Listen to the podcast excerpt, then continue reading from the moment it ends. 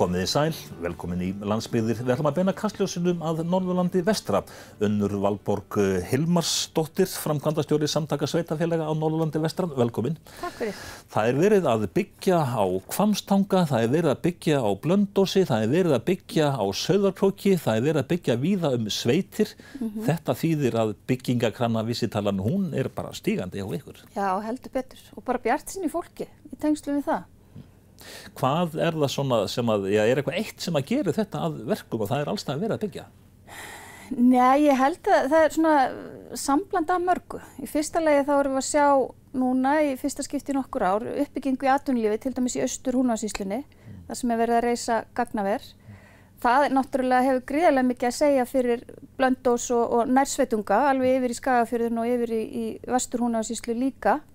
Og svo er það líka bara þannig að, að fastegna verð hefur verið að hækka bara eins og við á landinu sem að gerir fólki þá kleift. Það er orðið svona vænlegu kostur að byggja. Þú situr ekki eftir með mikinn sokkin kostnað allavega ef þú ætlar að losa þig út úr því. Þannig að það er svona samblanda mörgu sem að, sem að gera það að verkum að fólki farið að fara að staða aftur. Mm. Norðurlandu vestrægi hefur verið í hálgerðir varna baráttu mm. í tölvert langan tíma en núna já, íbúa þróunin eins og þú segir hún er á upplið. Já, hún allavega er ekki á niðurleið og við erum ánað með hann svo sé. Auðvitað vildum við sjá hann að fara hraðar upp en, en við höfum verið svona rétt aðeins að bæta í með, með hérna, hverju mánuðu núna sem líður í, í nokkuð missari. Auðvitað er það mismikið eftir því í hvað sveitafélagi við, við lítum og bara dæmið það að hérna, Skagafjörður fór yfir 4.000 manna múrin bara núna um síðustu mánuðamót sem er orðið ansi langt síðan að þeir, þeir röfu síðast. Mm. Þannig að, að það er bara mjög jákvæmt. Þín starfstöð er á Kvamstanga en þú ert svona ferðast mikið um svæðið.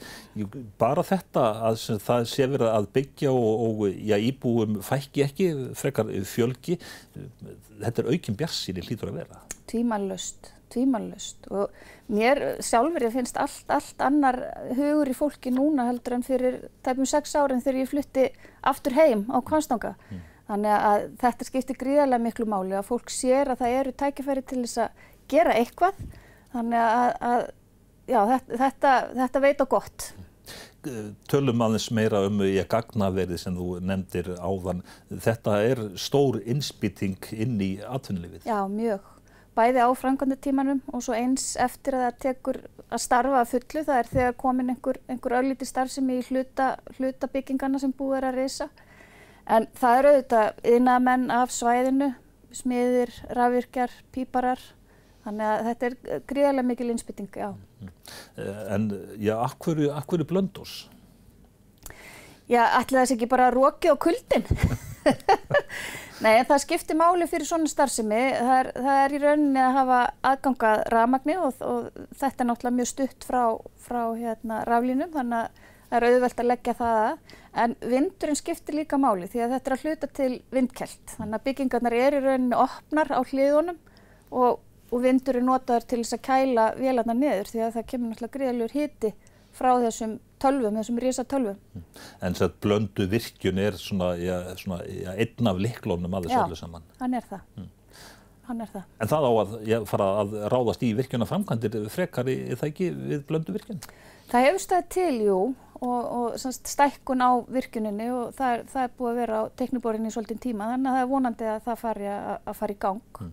En það er svolítið svona merkilegt í raun og veru að fylgjast með þessari uppbyggingu á blöndur sem svona bara allt í einu byrjar þetta en þetta er búið að taka, sagt, ég ferli, þetta er búið að taka mörg, mörg ár að undibúa þetta Já. og vinna að þessu. Já.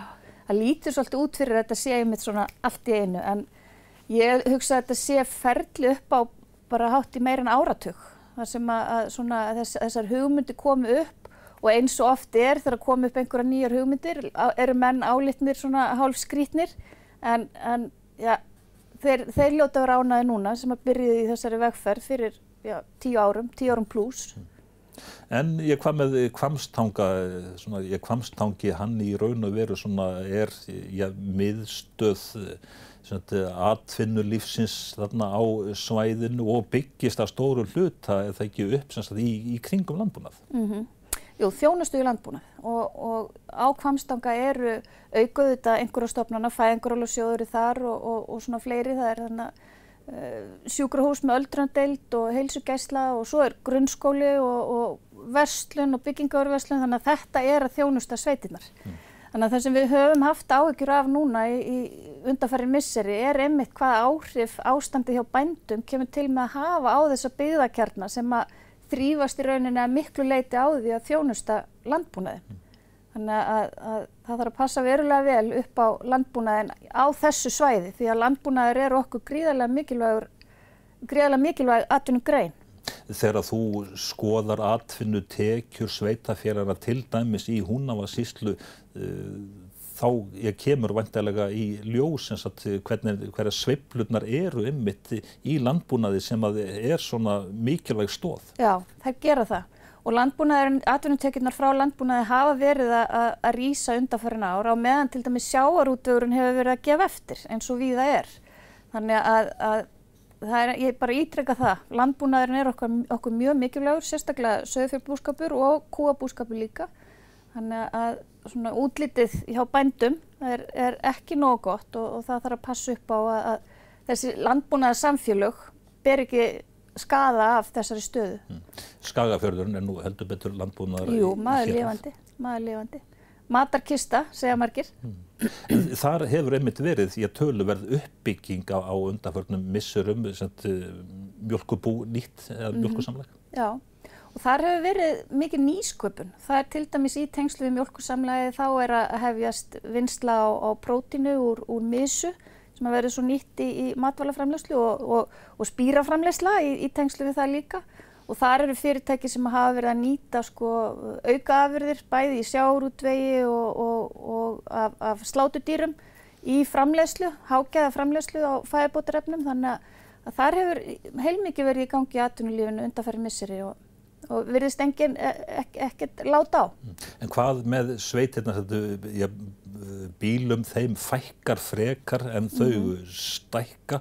Mm -hmm. Það er viða verið að svona, ja, robotavæða fjós og, og, og annað því í mjölkuframleystunum. Já, já, mjög mikið. Mjög mikið af því í sveitinu og það er svona kannski helsta uppbyggingin til sveita. Menn er að fjárfesta gríðarlega í þessum, þessum nýju hátæknu fjósum, ef hægt er að segja sem svo. Mm.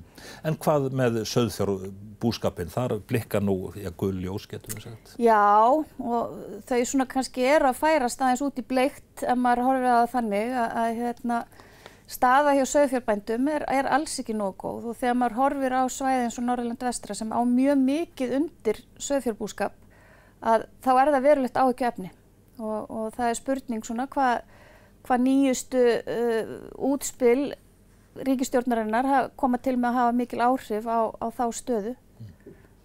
En uh, finnst þér þessi útspil að þetta hafi gengið of hægt allt saman? Ég verið að ganga of langt og ég veit að það eru margir sammála mér á, á Norrlandi vestra. Mm. Það þarf að stíga mjög valega til jarðar af mjög mörgum ástæðum, ekki bara út af stöðu bænda, heldur bara út af matvælaurki og, og, og, og heilsu ísleitinga almennt. Þannig að það hangir margt á spýtunni. Þegar þú já, hittir bændur á fundum, svona, já, áhyggjurnar eru sannlega til staðar. Já, klárlega, klárlega. Menn eru áhyggjufullir. Hmm.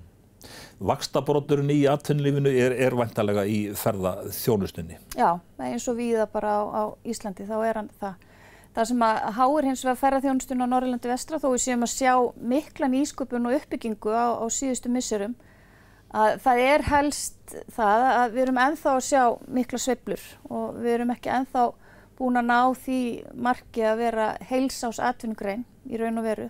Það eru ómargir sem bara eru yfir sumatíman og það sést líka á atvinnutekjum, tölum um atvinnutekjur frá byggðarstofnun að ferðarþjónustan er enþá mjög lítill partur af heildar atvinnutekjum á, á svæðinu. Þannig að það vantar ennþá þó nokkuð upp á en, en það er heilmikil uppbygging í gangi sem að vonandi verður til þess að, að draga fleira fólk á svæðið. Selaskoðurinn, hún er nú já, orðin rót gróin. Já, já, heldur betur og er búin að vera núna um, um áratuga skeið, svona já, 12-13 ár og byggist upp aðalega út frá Kvamstanga og Vastnesið er náttúrulega þar mjög mikið aðdráttarafl og þar er núna verið að deiliskipulegja nýjan selaskoðunarstað við, við Flatnefstaði Þannig að það verður vonandi til þess að draga enn frekar frekar fólk á svæðið. Það er á, á vastnesnu líka eða hvað er það? Já, það er líka á vastnesnu. Mm. Þegar maður ég ber saman selaskoðun og svo kvalaskoðun sem að er já, orðin stór atfinnugrein, mm -hmm. en selaskoðun hún hefur ekki náð sér á svona sama stryk. Ekki eins kannski, ekki eins, nei. Hún er svona ástíðabundnari og en enga síður er hún að mörguleiti einfaldari. Það er bóðið upp á sela siglingar frá Kamstanga til þess að skoða sellátur uh, við miðfjörð.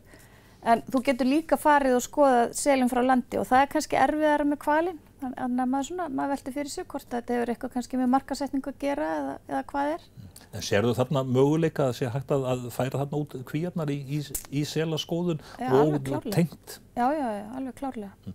Skagfyrðingar, þeir gera aftur á móti, ég töluvert út á söguna og svo aftur íslenska hestin. Já, algjörlega. Það hefur verið svona þeirra aðalsmerki, íslenski hesturinn, þeir hafa líka verið að nýta sér uh, þessa, þessa hugmyndum uh, skagafjörðu sem matakistu því að það er náttúrulega gríðilega mikil matvaraframleysla og, og, og landbúnaður. En svo eru þau líka að feta nýjar brautir og, og þeir eru til dæmis að, að nýta menningun og söguna til þess að setja upp hátækni síningu þar sem að þú getur í rauninni í síndaveruleika tekið þátt í, í bardögum sem að eiga að gerast 1238 Þannig að þeir eru að færa söguna fram á okkar dag og, og, og gera okkur raunin að þáttakandum í því. Mm. Ferða þjónustafun talar um segla. Mm -hmm. Þetta, sagt, þessi síning verður þá hugsanlega einna þessum sterku seglum. Já, það er, það er planið, já. En svona sterku seglandi sem hafa verið eh, um aldur og æfi á, á þínu svæði, já, eins og til dæmis kólugljúfur. Mm -hmm. Mm -hmm. Það er líka uppbygging í gangi og síðasta sumar var, var sett upp, út, settur upp útsýnispallur sem er til þess fallin að bæta aðgengi og auka öryggi því að það var á, á stöku stöðum þarna við, í rauninni mörgum stöðum við gljúrin sem var bara beinleins orðið hættulegt og vonandi verður framhald, framhald þar á að, að aðgengi verður bætt.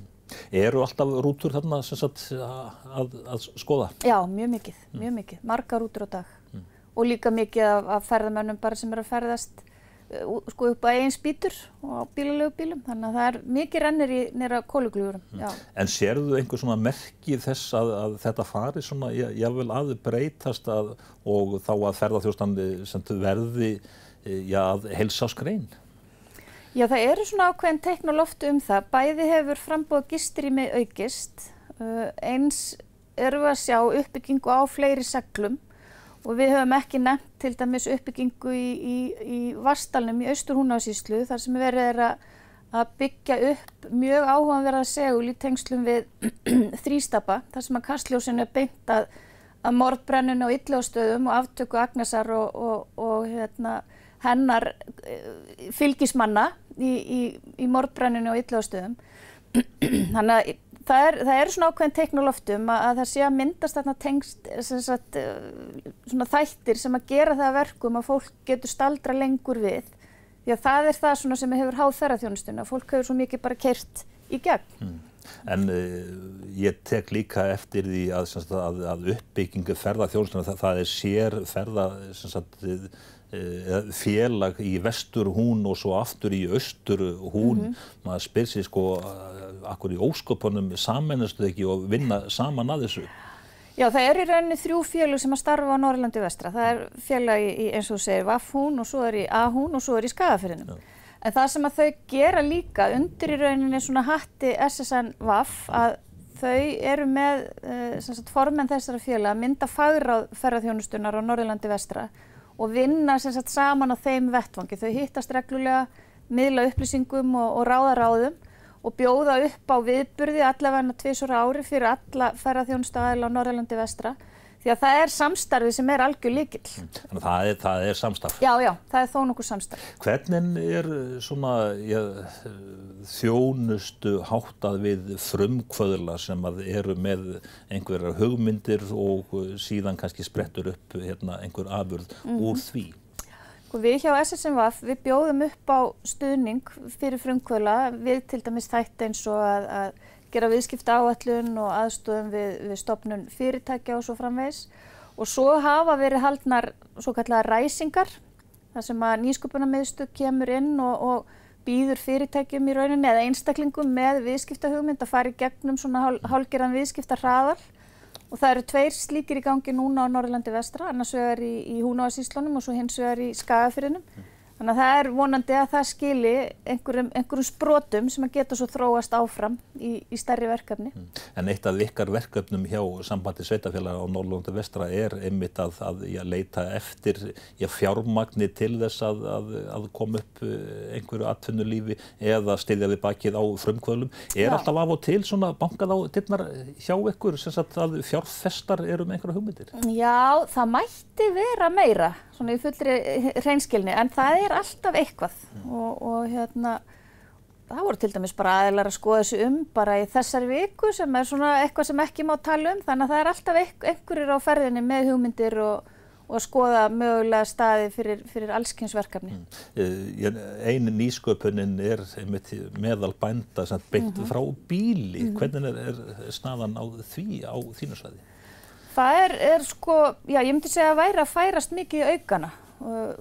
SSNVF eða Samtök Sveitafjölu á Norrlandi vestra vann á, á síðasta ári að, að verkefni með farskólanum á Söðakróki þar sem að var, voru haldið námskeið í þessu, þessari hugmyndafræði beint frá bíli og í framhaldinu settu við í samvinnu við farskólan upp líka svona vinnusmiðjur þar sem þú gast farið og þú gast lært kæ, kæfugerð eða pilsugerð og svo framvegs Og þetta var allt unnið í, í hérna, matarsmiðunni á Skagaströnd því að þar er komin upp vottuð aðstæða þar sem að bændu geta panta sér tíma og, og unnið sína vöru sem að þeir svo selja á, á hvort sem er í verslunum eða, eða sjálfur. Þannig að þetta er alltaf að færast í aukana. Mm. En þetta vottaða eldhús, það er vantilega líkillin að því að þetta sé hægt alls? Já, algjörlega, algjörlega. Þetta verður alltaf að vera framleitt og pakkað í, í, í, í vottuðu eldúsi og, og þetta gerir þessum matarfrumkvöðlum kleift að, að vinna sína vöru við þær aðstæður. Mm.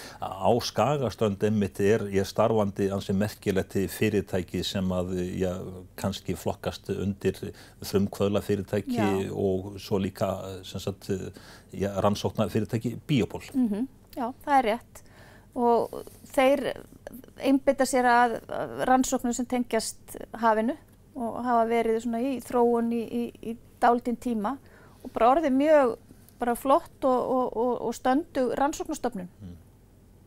En þegar að, já, þú ert að tala við atvinnulífið og kynna sagt, Norðurlandi vestra, e, allir innviðir til þess að já, vera með atvinnu starfsemi og jáfnvel byggja nýtt, þeir, eru, eru þeir til staðar? Já, algjörlega, tvímanlust. Það er nóg plás fyrir fleira fólk á Norrlandi vestra og vel flest sveitafélagin eiga lóðir, yðnaðalóðir. Það eru hafnir á svæðinu og samgöngur greiðar til begja átta. Ég menna við erum þarna mitt á milli, Reykjavíkur og Akureyrar. Þannig að það er í rauninu allt til alls. Á flestum svæðum á Norrlandi vestra er aðgengi að hýtaveitu. Ljósleðaravæðing er komin til tala langt, sérstaklega í dreifbíli. Þannig að það er allt til alls. Mm. Hvað, svona, hvar sér þú svona, já, helstu möguleikana? Er það, já, þá til dæmis eh, einhvers slags eh, fullvinnsla afurða? Mm -hmm. Já, ég myndi vilja sjá meira af fullvinnslu afurða heima í héræði því að þá, þá er verið að skilja sem mestan virðisauka eftir í, í héræðinu. En svo eru auðvitað líka mikill vakstabróttur í, í ferðarþjónustunni þó að séu blikur á lofti um hana mhm. núna líka en, en uppbyggingin hefur verið þó nokkur og, og heldur vonandi áfram. Þannig ég myndi segja að væri svona þetta tvent. Það væri sagt, eh, fullvilsna heima í héræði, eh, ferðarþjónustunna og svo auðvitað svona smá yðnaður, einhver yðnar tækifæri sem við erum alltaf að reyna að laða til svæðisins og vonandi verður, verður eitthvað að því, svona, einhverja fréttir að því á næstu missurum. Mm.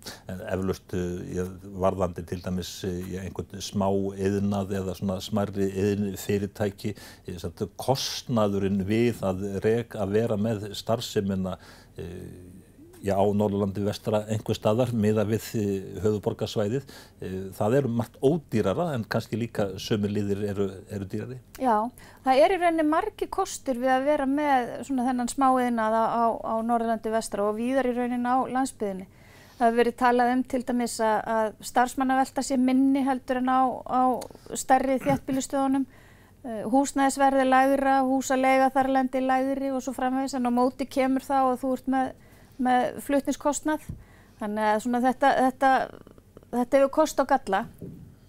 Uh, ég, ég heyri það í raun og veru svona á þér eða skinnja það að þið eruð frekar svona að horfa einmitt í þessar áttir er búið að slá alveg út af borðinu?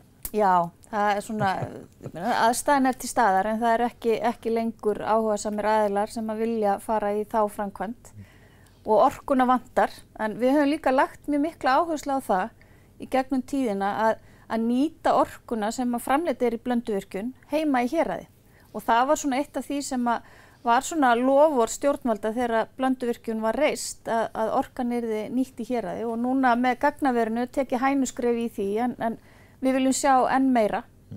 Hvað með samvinnu sveitafélaga á svæðinu? Þau eru hvað 6, 7, 8 eitthvað? Þau eru 7.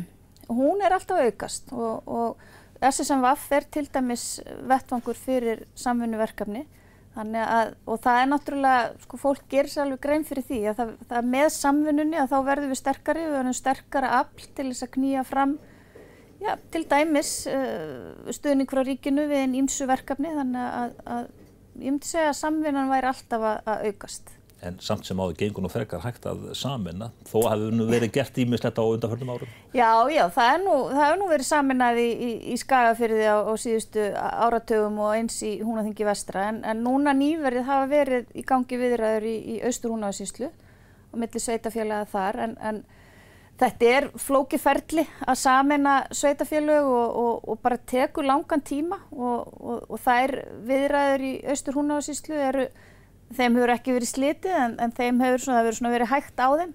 Og þetta er fyrir utan að vera sko tæknilega flókið að samena ólík sveitafélög að þá er þetta líka tilfinningamál. Þannig að það er betra að fara hægt í sakirnar frekar en að svona þrýsta þessi gegn Þetta kemur. En hvað með já, aðkomu jöfnunarsjóðs sveitafélaga, það er núna verið að tala um að, að jöfnunarsjóðurinn hann komi svona, eða kynni einhverja svona beitur já, já. til þess að, að hvetja sveitastjórna fólk til þess að, að beita sér fyrir sammenningu. Já, ráð þeirra eh, sveitastjórna og samgöngumála kynnti það fyrir einhverju mánuðu síðan að hann hefði í hyggju að setja þó nokkar fjármunni í einmitt þetta til að hvetja sveitafélög til, til sammenninga það verður foröndilegt að sjá hvort að það kemur til með að breyta einhverju og mögulega flýta saminingum. Það, það kemur í ljós. Mm. En hvað segja húnvetningar í skólamálum? Það er, sagt, það er framhaldsskóli á Söðarkróki sem að, mm -hmm. hérna, sem að já, á þá sagt, að þjóna Norðurlandi vestra, fjölbreytaskóli Norðurlands já. vestra. Mm. Er, er, er verið að tala eða þrista eitthvað á um það að það komi fjölbreytaskóli og hann verði staðsettur á Blöndósi eða á Kvamsnanga? Sko, fjölbreytaskóli Norrlands vestra starfrækir svo kallar dreifnásteildir bæði á Blöndósi og á Kvamstanga sem að virka þannig að, að, ungmenni á þessum stöðum sækja í rauninni tíma í fjölbreytaskólanum í gegnum fjárfundabúnað og svo með reglulegu millibili faraðu á sögokrók til þess að taka þátt í skólastarfinu og félagslífinu líka sem er svo mikilvægt á, á þessum árum. Þannig að það samstarf er í gangi þannig að ég sé ekki fyrir mér að sé nokkuð þörfa á því að vera að reysa fleiri, fleiri framhaldsskóla á, á, á svæðinu. Þannig að fjölbrytaskólinn þjónustar svæðið vel. Hm. Þannig að, að unglingarnir þeir guð ekki upp sem sagt á höstin?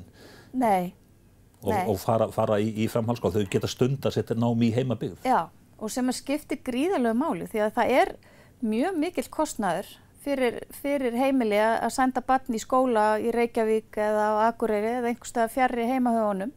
Þannig að það skiptir gríðarlega miklu máli og ég vil meina það líka að það verður til þess að við fáum fleiri ungmenni inn í skólan heldur en, heldur en ella því að það að þurfa að fara er ákveðin þröskuldur bæði félagslega og fjárhagslega. Mm. Ef við svona, já, sumurum þetta allt saman í lokinn og tökum þá svona, já, ógnanir og tækifæri á Norðurlandi vestra, við skulum byrja á ógnanunum. Ég myndi segja að það væri staða uh, landbúnaðarins. Að það þarf að fylgjast mjög grannt með því og, og gæta þess að, að, svona, það sé ekki stíði fram með þeim hætti að byggði landsins byrja tjóna af. Þannig að það verður, að, það er mikið áhyggjöfni. Er mikið talað um þetta sagt, heima í hér að því? Já, mjög mikið, mjög mikið. Það er ykkur í, í, í brjósti bænda. Mm. Og síðan er það næstu tækifærin og það er nú listin, listin mun lengri. Já, hann er sjálf sem mjög langur. Það eru auðvitað tækifæri í ferðarþjónustunni, það er tækifæri í hverskins yðnaðar uppbyggingu, þannig að það er, það, það er fjölmörg tækifæri. Mm. Unnur Valborg Ilmarsdóttir, framkvæmdastjóri sambands sveitafélaga á Norðurlandi vestra. Þakka þér fyrir og gangið vel. Takk fyrir.